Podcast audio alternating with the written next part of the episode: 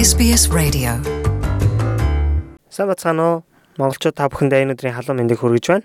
SBS радиоос 7 өнөг бүр та бүхэндээ хүргэдэг. Оршин суух хөтжийнхоо энэ удаагийнхаа дугаарыг хүрэхэд бэлэн болсон байна. За энэ удаагийнхаа сэдвээр 7 сараас эхэлж хэрэгжиж байгаа Австралийн цагаачлалын өөрчлөлтүүдийн талаар та бүхэндээ хүрэхээр бэлдсэн байна. Австралийн цагаачлалын байдал маш хурдцтай өөрчлөгдөж байгаагийн үр дүнд виз мэдүүлэх гэж байгаа хүмүүс төлөвлөгөө гаргахдаа илүү анхааралтай өөрчлөлтийг төлөвлөгөөндөө тусгаж бэлдэх хэрэгтэй болж байна. Мельбурн хотод оршин суудаг Пол Дизон цагаачлалын хуулиар сүүлийн 9 жил ажиллаж байгаа бөгөөд ур чадвартай цагаачлал, ажил олгогчийн дэмжлэг, оюутны болон татгалцсан визний талаар мэрэгшин ажилладаг юм байна. Австрали улсын цагаачлалын систем маш нарийн байдлаар улс төрийн өөрчлөлт болгоныг даах магадлалтай хуулийн нэг болсон хэмээн Пол Дизон хэлж байсан юм. Цаашлалын тогтворгүй байдлаас үүдэн виз мэдүүлэх гэж байгаа хүмүүс өөрчлөлтийг хянаж үзэн төлөвлөгөөгөө иргэн нэг харах шаардлагатай болсон.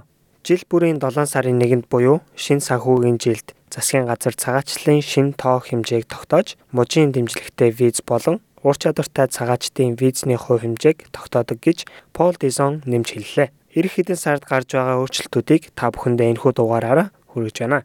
Хамгийн ихний өөрчлөлт бол визний төлбөр нэмэгдсэн байдал багмаа. Ихэнх визний төрлүүдийн төлбөр 5.4%-аар 7 сарын 1-ээс нэмэгдэж байна. Зарим жишээг авахад оюутны визний өргөдлийн төлбөр 575 доллароос 606 австрали доллар. General Skilled Migration буюу ур чадвартай цагаачдын ерөнхий визний ангиллал 3755-аас 3958 болж нэмэгдсэн байна. Partner Visa буюу хамтран амьдрагчийн виз 7160-аас 7547 доллар болж нэмэгдсэн байна. Visitor Visa буюу 600 ангиллалтай зорчих виз болон эцэг эхийн байнгын оршин суугч 143 визний төлбөр хэвээрээ байх болно гэсэн байна. Илүү дэлгэрэнгүй мэдээллийг та Department of Home Affairs сайтаас авах боломжтой.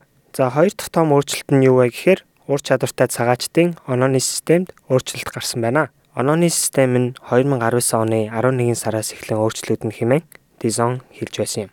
Онооны системд гарсан өөрчлөлтүүдээс дурдах юм бол дараагийн тохиолдлуудад та нэмэлт оноо авах боломжтой юм байна. За ганц биеэр өргөдөл гаргаж байгаа бол нэмэлт оноо авах боломжтой. Хамтран амьдрагчийн англи хэлний түвшин сайн байх юм бол бас нэмэлт оноо авах боломжтой болж байна. Мужийн захиргаанаас спонсоршип авсан эсвэл аслагдсан бүсэд оройн хамаатан амьдардаг тохиолдлуудад нэмэлт оноо авах боломжтой болсон байна. За гурав дахь том өөрчлөлт нь юу вэ гэхээр partner visa буюу хамтран амьдрагчийн визний дүрм илүү хатуу болжээ. За Австрали хамтран амьдрагч нь өөрийн эхнэр, нөхөр эсвэл албан ёсны хамтран амьдрагчаа спонсорлох зөвшөөрөл авахд журмын өөрчлөлтүүд гарсан байна. За Австрали спонсор нь гэмт хэрэг, эрүүгийн төөх эсвэл зан характерын үнэлгээ хийлгэхгүйгээр хамтран амьдрагчийн визэнд мэдүүлэг өгөх боломжгүй болсон байна.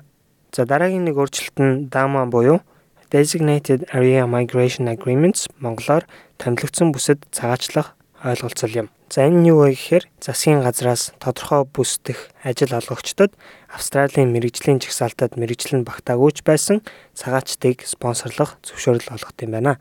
За үүнд хамрагдсан цагаачд нь байнгын суурших өндөр боломжтой төр оршин суух виз авдаг байна. Дама ангиллалд хамрагдах мэрэгжлүүд нь олон төрлийн хөнгөлөлт эсвэл санхүүгийн чөлөөлөлт авах боломжтой байна. За тухайлбал англи хэлний шалгуур бага, ур чадварын үнэлгээ эсвэл ажлын туршлага шаардахгүй гэх мэт. За энэхүү ангиллалд дараах бүс нутаг бүгдээрээ хамрагддаг юм байна.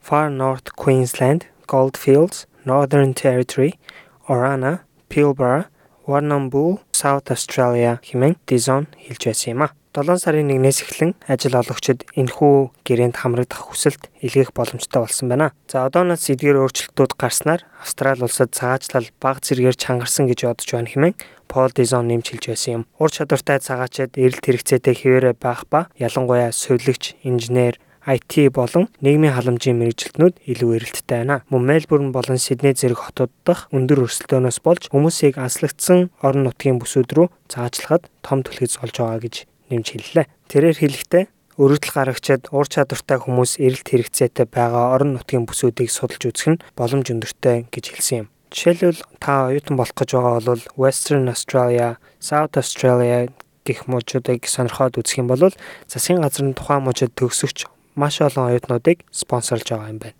Энэхүү мэдээлэл та бүхэнд таалагдсан байх гэж найдаж байна. Дараагийн дугаараар та бүхэнтэйгээ удахгүй уулзцаая.